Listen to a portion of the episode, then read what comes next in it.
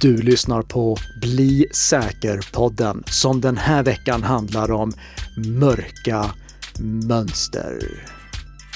Och det där funkar inte alls bra med glad musik i bakgrunden, men det, det är det vi ska prata om den här veckan i alla fall. Välkomna!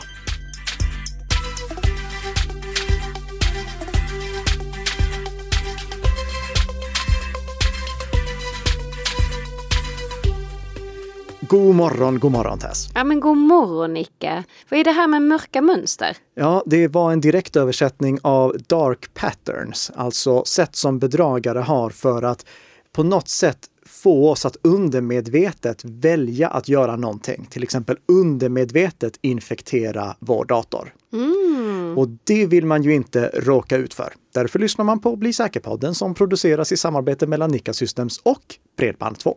Ja, men innan vi går in på veckans snabbisar och Mm. huvudämnet så ska vi faktiskt följa upp lite från förra veckan. Ja, det är ganska mycket uppföljning har vi. Ja, precis.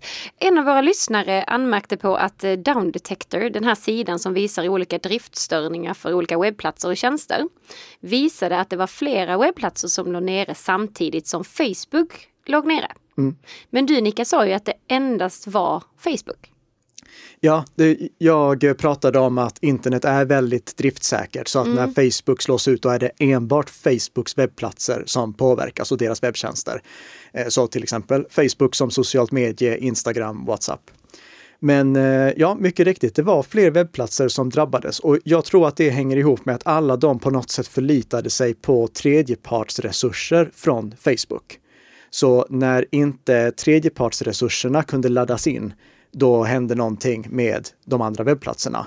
Eh, Tredjepartsresurser, jag, jag vet inte vad det skulle kunna vara från Facebook, men om vi säger att det hade varit Google som låg nere, då är det många webbplatser som hade påverkats eftersom de inte eh, driftar typsnitten själva, utan laddar in typsnitten från Google av någon anledning. Ja, ja, ja. Eh, varför vet jag inte, för det försämrar bara prestandan. Men det, det är i alla fall väldigt vanligt förekommande. Eh, många webbplatser eller många webbplatsers webbsidor är egentligen kombinationer av den egna webbsidan plus en massa resurser från andra webbplatser. Och då kan det ju hända att det blir någon driftstörning på grund av det också. Men det som jag framförallt slogs av med anledning av den här bra kommentaren, tack för den för övrigt, det är den här rekommendationen vi har haft tidigare om riskerna med att använda inloggningstjänster, till exempel logga in med Facebook. För Ja även den låg ju nere. ja, just det. Och det sätter verkligen fingret på varför det är bättre att använda en egen lösenordshanterare med egna starka lösenord i istället för en inloggningstjänst som logga in med Facebook. Det är inte bara av integritetsskäl som vi förespråkar det, alltså att använda en egen lösenordshanterare, utan också av driftsäkerhetsskäl. Ja. Och det här är egentligen inte en, eh, en riktig uppföljning från förra veckan, men jag tänker att jag lyfter det ändå. Ja. Instagram har gått ut med att de testar att ha tydliga felmeddelanden som visas för användare direkt i appen när Instagram har tekniska problem eller liknande. Felmeddelandet kommer dyka upp i aktivitetsflödet, men den här funktionen kommer testas i USA enbart de kommande veckorna. Så att vi får ju se om den faktiskt kommer rulla ut på bred front så att även vi eh, kommer få ta del av den. Håller tummarna för det. det är bra kommunikation är A och O när en driftstörning inträffar. Så är det verkligen. Ja. Då är det dags för veckans snabbisar. Japp. Och det har varit den kära, kära patch-tisdagen. Ja, firade du den ordentligt? Absolut! Ja. Gjorde inte du det? Jo då, det Ja. gjorde jag. För eh, det var inte vilken patch-tisdag som helst. Nej? Det var Windows 11s första patch-tisdag. Åh! Ja, det är lite gulligt faktiskt. Ja, hade du då 11 ljus i tårtan? Eh, Nej, det hade jag inte. Jag hade ingen tårta alls. Nej. Men Microsoft åtgärdade totalt 81 stycken sårbarheter, varav fyra stycken redan var kända och en redan användes i pågående attacker enligt Bleeping Computer. Så eh, det är i vanlig ordning viktigt att man uppdaterar sin dator så snart som möjligt. Någonting som också är väldigt viktigt, det är att man uppdaterar sin eh, mobiltelefon. I alla fall om man har en iPhone. För när iOS 15 släpptes, då sa vi ju vänta till första iOS 15-uppdateringen kommer innan du uppdaterar eller uppgraderar till iOS 15. Förra veckan då meddelade du att den hade kommit. Ja. Så då började vi rekommendera att uppgradera till iOS 15. Och nu, mina kära lyssnare, så är det krav. Nu måste ni uppgradera till iOS 15. Ni måste se till att er mobiltelefon kör iOS 15.0.2 eller senare. För den uppdateringen åtgärdar en sårbarhet som redan används i aktiva attacker för att infektera iPhones. Apple har inte släppt någon uppdatering till iOS 14 för att åtgärda samma sårbarhet. Mm. Apple skriver ju inte vilka mobiltelefonoperativsystem de underhåller för tillfället. Men en eh, säkerhetsforskare som heter Sar Amar, han eh, grottade ner sig i vad det var den här uppdateringen åtgärdade, hittade buggen och konstaterade att den buggen även gick att eh, utnyttja på iOS 14.7.1.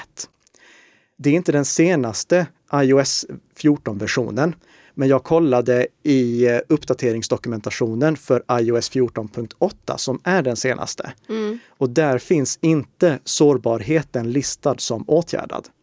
Så baserat på det här kan vi inte dra andra slutsatser än att eh, iOS 14 nu är nedlagt. Och det innebär att alla måste uppdatera till iOS eh, 15. Oj, Där det, ser det, man. det var snabba puckar där. ja verkligen. Ja. Men lyckligtvis, alla iOS 14-kompatibla mobiler är också kompatibla med iOS 15. Så det är ingen mobil som går ur tiden på grund av det här. Och inte någon surfplatta heller. Eh, Alla iPad OS 14 surfplattor kan också köra iPad OS 15. Mm. Sen så eh, har vi ganska lite från Adobe faktiskt. Det var egentligen bara fyra små sårbarheter som åtgärdades i Acrobat. Oh, well done. Ja, det är i lite andra program, men inte av de programmen som vanliga kontorsmedarbetare kommer i kontakt med. Nej. Och avslutningsvis, LibreOffice har vi berört vid några tillfällen tidigare. Och LibreOffice de släppte också en säkerhetsuppdatering som gjorde att eh, inte en sårbarhet kunde utnyttjas för att låta makron köras automatiskt utan tillstånd. Mm. Eh, Kommer du ihåg vad makron är för någonting? Ja men precis, det är ju de här som gör att man kanske så här, skickar med funktion, funktioner skulle man kunna säga. Ja, exakt. Det Ja. automatiserar saker i dokument eller i kalkylblad. Mm. Och normalt sett så är det inställt så att endast betrodda makroutfärdare, det, det är bara deras eh, signerade makron som ska få köras. Mm. Men där fanns det då en sårbarhet som gick att utnyttja för att kringgå det och köra makron automatiskt. Vi har ju överlag rekommenderat att stänga av möjligheten att köra makron överhuvudtaget. Det går tyvärr inte att stänga av helt i LibreOffice så som det gör i Microsoft Office. Men eh, uppdaterar man LibreOffice så åtgärdas i alla fall den här sårbarheten. Och den gäller för övrigt även OpenOffice som LibreOffice är en fork, alltså en vidareutveckling av. Så se till att uppdatera alla era program avinstallera de som ni inte använder och alla de här sakerna som vi brukar påminna om när det är patch-tisdag. Ja. Okej, nu ska vi snacka lösenordshanterare, vilket vi också brukar göra. Men det här var länge sedan vi pratade om den här. Vi har ju pratat om problematiken kring att dela lösenord med andra personer och att det ibland är oundvikligt om man delar ett konto där det bara finns ett gemensamt lösenord, till exempel Netflix. Mm, men det har vi snackat om. Ja, det har vi. Det har vi. Ja. Mm. Nu lanserar lösenordshanteraren One Password en ny funktion där användare på ett säkert sätt kan dela lösenord och annat som finns i det här lösenordsvalvet med egentligen vem som helst, även om mottagaren inte har One Password. Den nya lösningen kallas för PST som står för Password Secure Sharing Tool. Och eh, vi kan säga så här att om jag skulle vilja dela då ett Netflix-lösenord med dig Nicka. Så det enda jag då behöver göra är att hitta Netflix-lösenordet i One Password och klicka på dela. Välja hur länge jag vill att länken ska vara giltig för att den här länken löper ut efter sju dagar som standard. Alltså det, det skapas då en länk. Precis, Ja, mm, exakt. ja, mm. Men jag kan också då välja om den här länken då ska löpa ut efter en timme, en dag, 14 dagar, 30 dagar eller så fort du har mottagit den. Jag kan också välja att alla som har tillgång till den här länken kan få se innehållet. Som jag skulle säga att du, jag vill skicka den vidare till flera och de skickar den vidare sen. Då kan de också få ta del av, eh, av innehållet. Ja. Men i det här fallet då så väljer jag att bara skicka detta till dig Nicka. Och då anger jag din e-postadress. Och sen skickar jag den här länken då som genereras till dig på vilket sätt jag vill. Till exempel eh, via Signal kanske. Oh. Mm. Visst? Ja. Och när du har då fått den här länken så klickar du på den och då kommer du behöva ange din e-postadress. Och sen så kommer du få ett mail skickat till dig med en engångsverifieringskod och sen då får du tillgång till Netflix lösenordet. Ja. Och det som är så bra med den här lösningen, det är ju att jag inte delar originallösenordet med dig, utan jag skickar egentligen bara en kopia på det lösenordet. Så att om jag sen skulle vilja byta lösenordet till Netflix mm. så kommer inte den att uppdateras via den där delningslänken som jag skickade till dig. Så det, där skiljer det då jämfört med när man delar till en annan eh, One Password-användare? Precis, exakt. Och det finns ju en liknande lösning i Bitwarden. Det gör det. det, gör det. Eh, men jag vet inte om du, vill du dra lite där om hur, om det skiljer sig åt? Ja, det, det, det, är inte helt så som du beskriver. Alltså det, det är inte helt så som eh, One Passwords lösningar. För att i Bitwarden så har du Bitwarden Send som både kan användas för att skicka filer och för att skicka lösenord. Mm.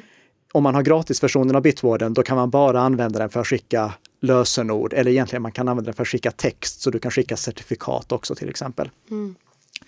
Men eh, då gör du inte på samma sätt, då delar du inte någonting specifikt ur ditt arkiv, utan om du vill dela ett lösenord med Bitwarden Send, då tar du och kopierar det lösenordet och sen så skapar du en försändelse där du klistrar in lösenordet. Då får du en länk och den länken ger du till den personen som du vill dela lösenordet med.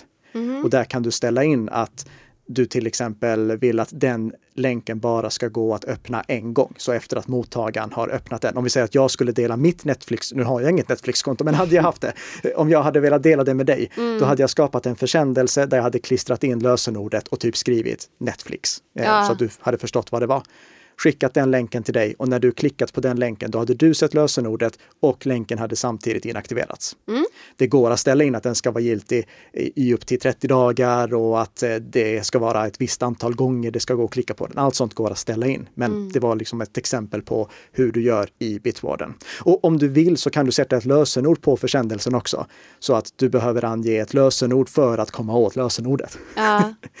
Och det, det, här är ju den lösningen som vi får rekommendera om du måste dela ett lösenord. Istället för att du delar ett lösenord så att det ligger liksom i chattkonversationer, mm. då är det här ett säkert sätt att dela. Men det är fortfarande bättre att använda en tjänst som har eh, stöd för flera användare. Eller att dela inom en lösenordshanterare så att man har koll på vem det är som har åtkomst till vad. Men jag vet, att det är inte alltid det går. Det är inte alltid det går. Men det här ska användas i nödfall helt enkelt? Bara i nödfall. Mm. Eh, använd bara pitolerna i nödfall pojkar. Och för er som inte har lyssnat på Ture Sventon så made that no sense at all. Precis. Um, Apropå lyssna. Ja, precis. Jag tänkte precis säga den. ja. Det är ju alltid den här evighetsfrågan. Tjuvlyssna mobilen. Jag trodde att vi hade slutdiskuterat det. Nej, men det har vi uppenbarligen inte. Nej. Nej. För eh, Aktuell Säkerhet, branschtidningen för eh, säkerhetsbranschen i Sverige, de publicerade en intervju med eh, Daniel Markusson på NordVPN där han berättade att eh, man kunde undersöka ifall ens mobil tjuvlyssnade på en hela tiden. Så att eh, man fick mer relevanta annonser. Och det kom ju sig av den här diskussionen som vi hade för något år sedan om att eh, ja, jag nämnde Lanzarote och sen så fick jag reklam för Lanzarote i mitt Facebookflöde eller på Google. Mm. Och jag, jag trodde att vi hade diskuterat det klart när iOS 14 lanserades, för då tillkom ju den här funktionen där du ser liksom eh, att en app har åtkomst till mikrofonen. En app kan inte få åtkomst till mikrofonen utan att den här lilla orangea lampan tänds. Och samma sak i Android 12 som släpps nu i höst, när som helst. Mm. Eh, det går inte för en app att få åtkomst till mikrofonen utan att samtidigt en liten grön mikrofonikon tänds uppe i aktivitetsfältet. Så vi vet ju att inga appar håller på att tjuvlyssna konstant. Och vi vet att de här smarta röstassistenterna, de lyssnar enbart på det vi säger från triggerfrasen, strax före triggerfrasen och det efter. Det är det som skickas iväg, inte någonting annat. Mm. Så jag blev lite irriterad när jag såg den här eh, intervjun. Ja.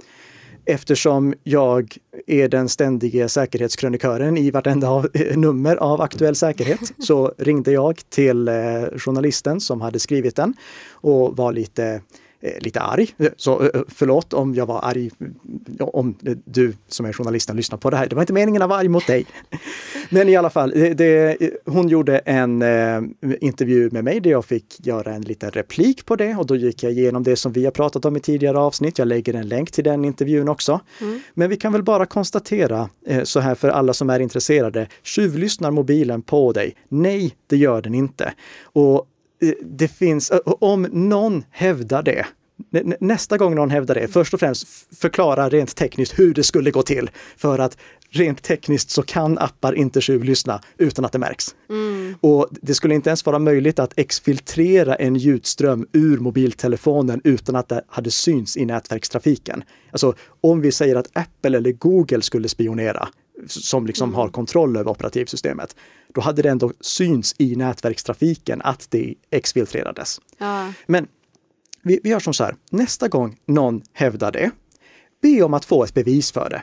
För att om man kommer med en sån extrem anklagelse som att Facebook eller Google eller Apple skulle avlyssna allt vi säger, mm. då tycker jag det hade varit klädsamt att ha kanske något bevis för det. Ja, absolut, det ja. hade väl varit bra.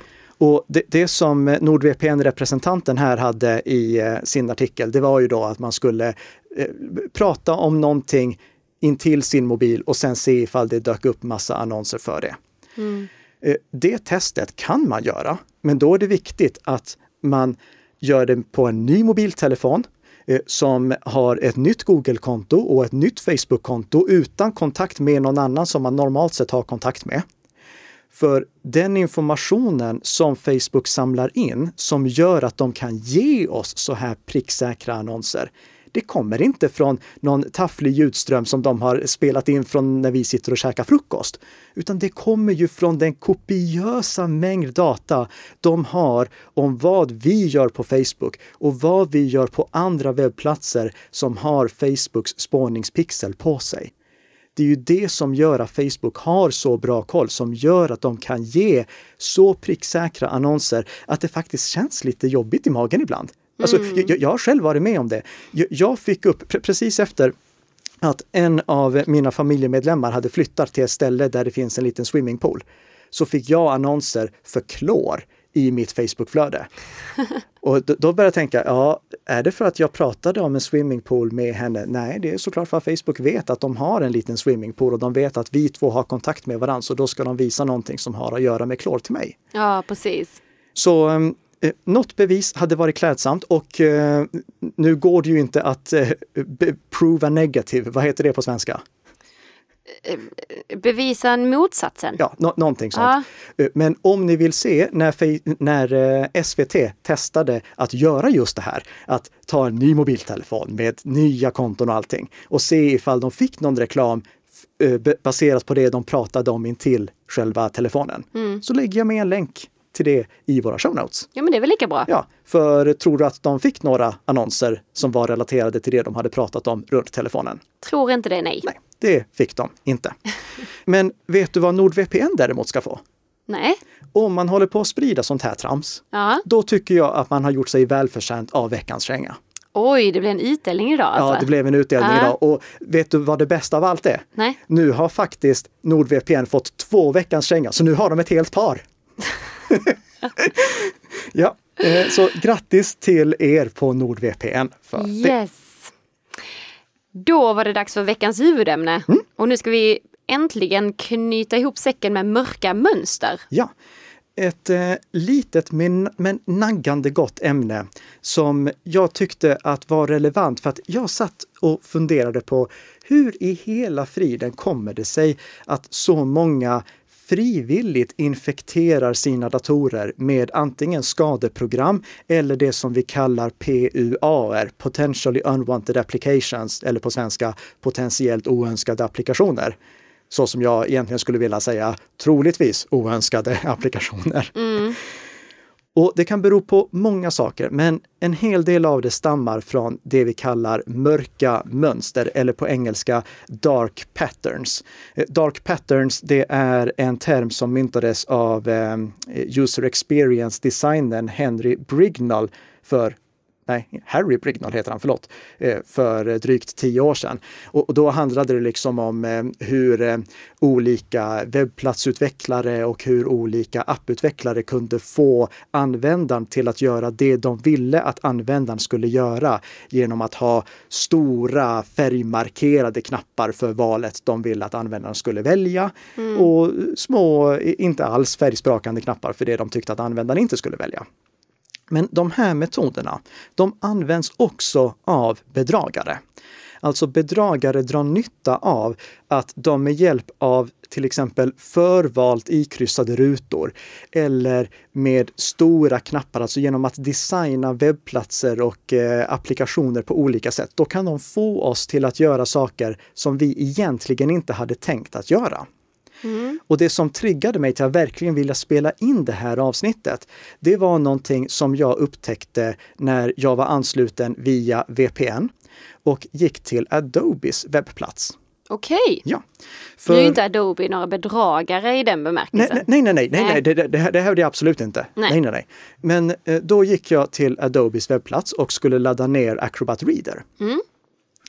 Och då var det lite erbjudanden intill så man kunde få mer tillsammans med Acrobat Reader. Ja. Däribland det kostnadsfria verktyget McAfee Security Scan Plus. Oj, oj, oj! Ja. Så ikryssat bredvid nedladdningen av Acrobat Reader, då var det att, eh, ja, jag kan egentligen läsa ordagrant vad som stod översatt då på den svenska versionen av mm. Adobes webbplats.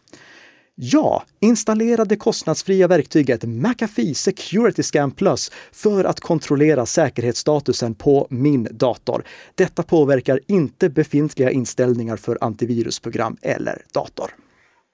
Okej. Okay. det kanske låter bra, mm. men alla som vet vad McAfee Security Scan Plus är för någonting vet att det är definitivt ingenting som de vill ha. Det finns inte en enda person i hela världen som vet vad det här programmet är och har tänkt, ja nej men det skulle jag vilja ha. Det har jag tittat på länge. Ja, liksom. ja, uh. men det, det, tar jag och laddar ner samtidigt. uh. Utan det här är ju ett program som distribueras tillsammans med Acrobat Reader för att eh, Adobe får troligtvis någon provision på det. Mm.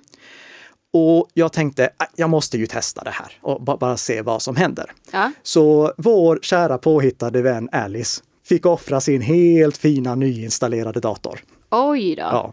Så installerade jag det på den mm. och eh, så körde jag det här programmet som jag då fick med helt gratis. Ja. Och vad säger det då? Jo, det säger så här. Hittade problem. Upptäckta online-hot. Lös problemet nu. Aj då! Mm. Och det här är alltså en helt ny dator ja. med liksom i, den, den, grundinställningarna i Windows, inga skadeprogram på den om man inte vill räkna Acrobat Reader som ett skadeprogram. Det är kanske det som är då. Men eh, liksom helt fräsch dator. Ja. Men ändå så hävdar den då att det är någonting som är osäkert på den. Mm. Och liksom, ja, om det kommer upp en sån här stor varning, då klickar jag såklart på åtgärda. Och då kommer jag till ett webbläsarfönster där det finns en stor röd varning och det står den senaste genomsökningen visar att datorn kan vara utsatt för skadlig programvara och webbhot. Aj då, men då, det blir fel. Det du vet fel. ju att den inte har men det. Men jag har möjlighet att köpa McAfees Total Security för 599 spänn. Okej, okay, för att åtgärda det då? Precis. All right. Ja, det var inte så nice. Nej. Vad är det här? Jo, det här är ett exempel på ett väldigt dark pattern, alltså en väldigt ett väldigt mörkt mönster som seriösa företag pysslar med. Alltså, det, mm. det, är ju inte några bedrägeriföretag som Adobe eller McAfee är. Nej. Men till och med de håller på med sånt här. Mm. Och det som eh, slog mig, det var liksom, okej, okay, tänk dig att du är en normal datoranvändare. Alltså ni som lyssnar på den här podden, ni är inte speciellt representativa.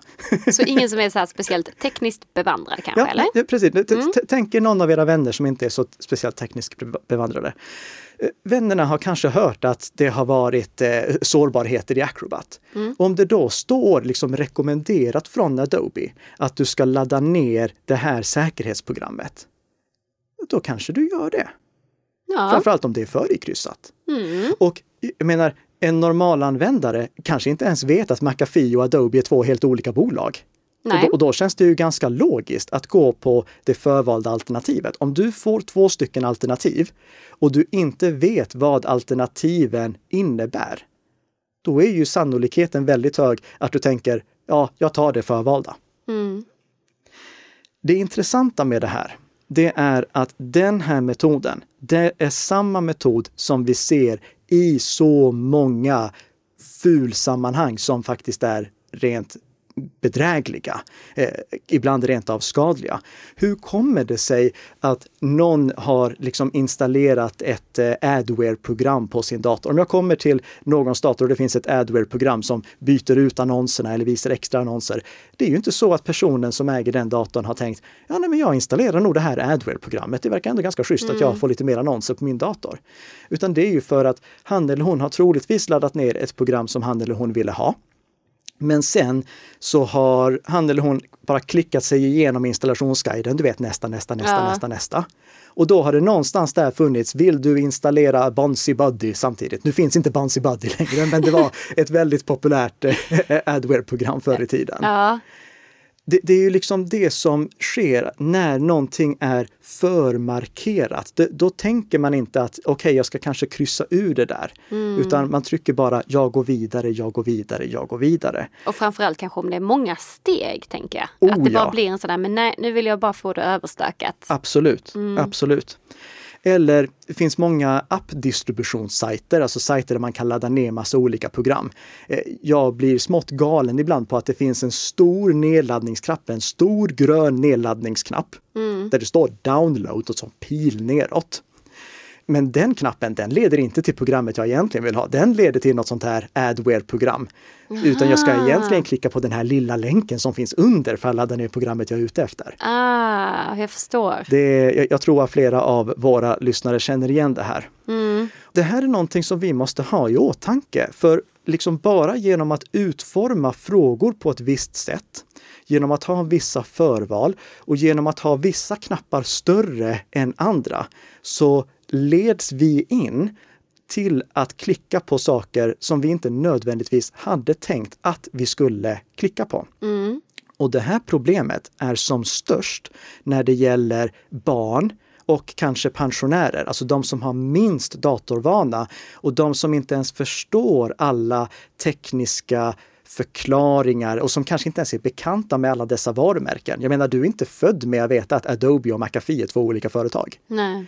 Så jag skulle egentligen vilja uppmana alla som lyssnar på den här podden att nästa gång ni installerar en app på er dator eller nästa gång som ni registrerar ett nytt konto, alltså alla sådana här saker där man får gå igenom en process när det finns flera val. Ha med era barn och gärna era äldre också för att liksom förklara för dem hur ni tänker. För ni som lyssnar på den här podden, ni har ju redan genomskådat de här sakerna. Det ska mycket till för att lura er. Mm. Eh, med tanke på att ni troligtvis inte lyssnar på den här podden om ni inte är intresserade av IT-säkerhet. Men alla de runt omkring er, de har inte gjort det än. Och framförallt barnen som, alltså det är klart, om man tar en, en treåring, en treåring kan använda en iPad för att treåringen förstår att okej, okay, om jag ska komma vidare här och ska trycka på den största gröna knappen. Ja.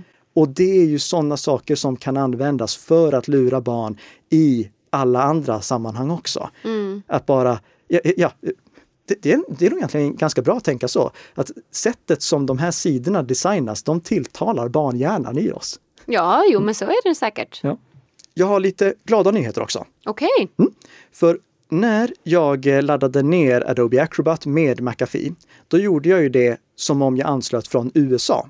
Sen testade jag att göra samma sak från Sverige.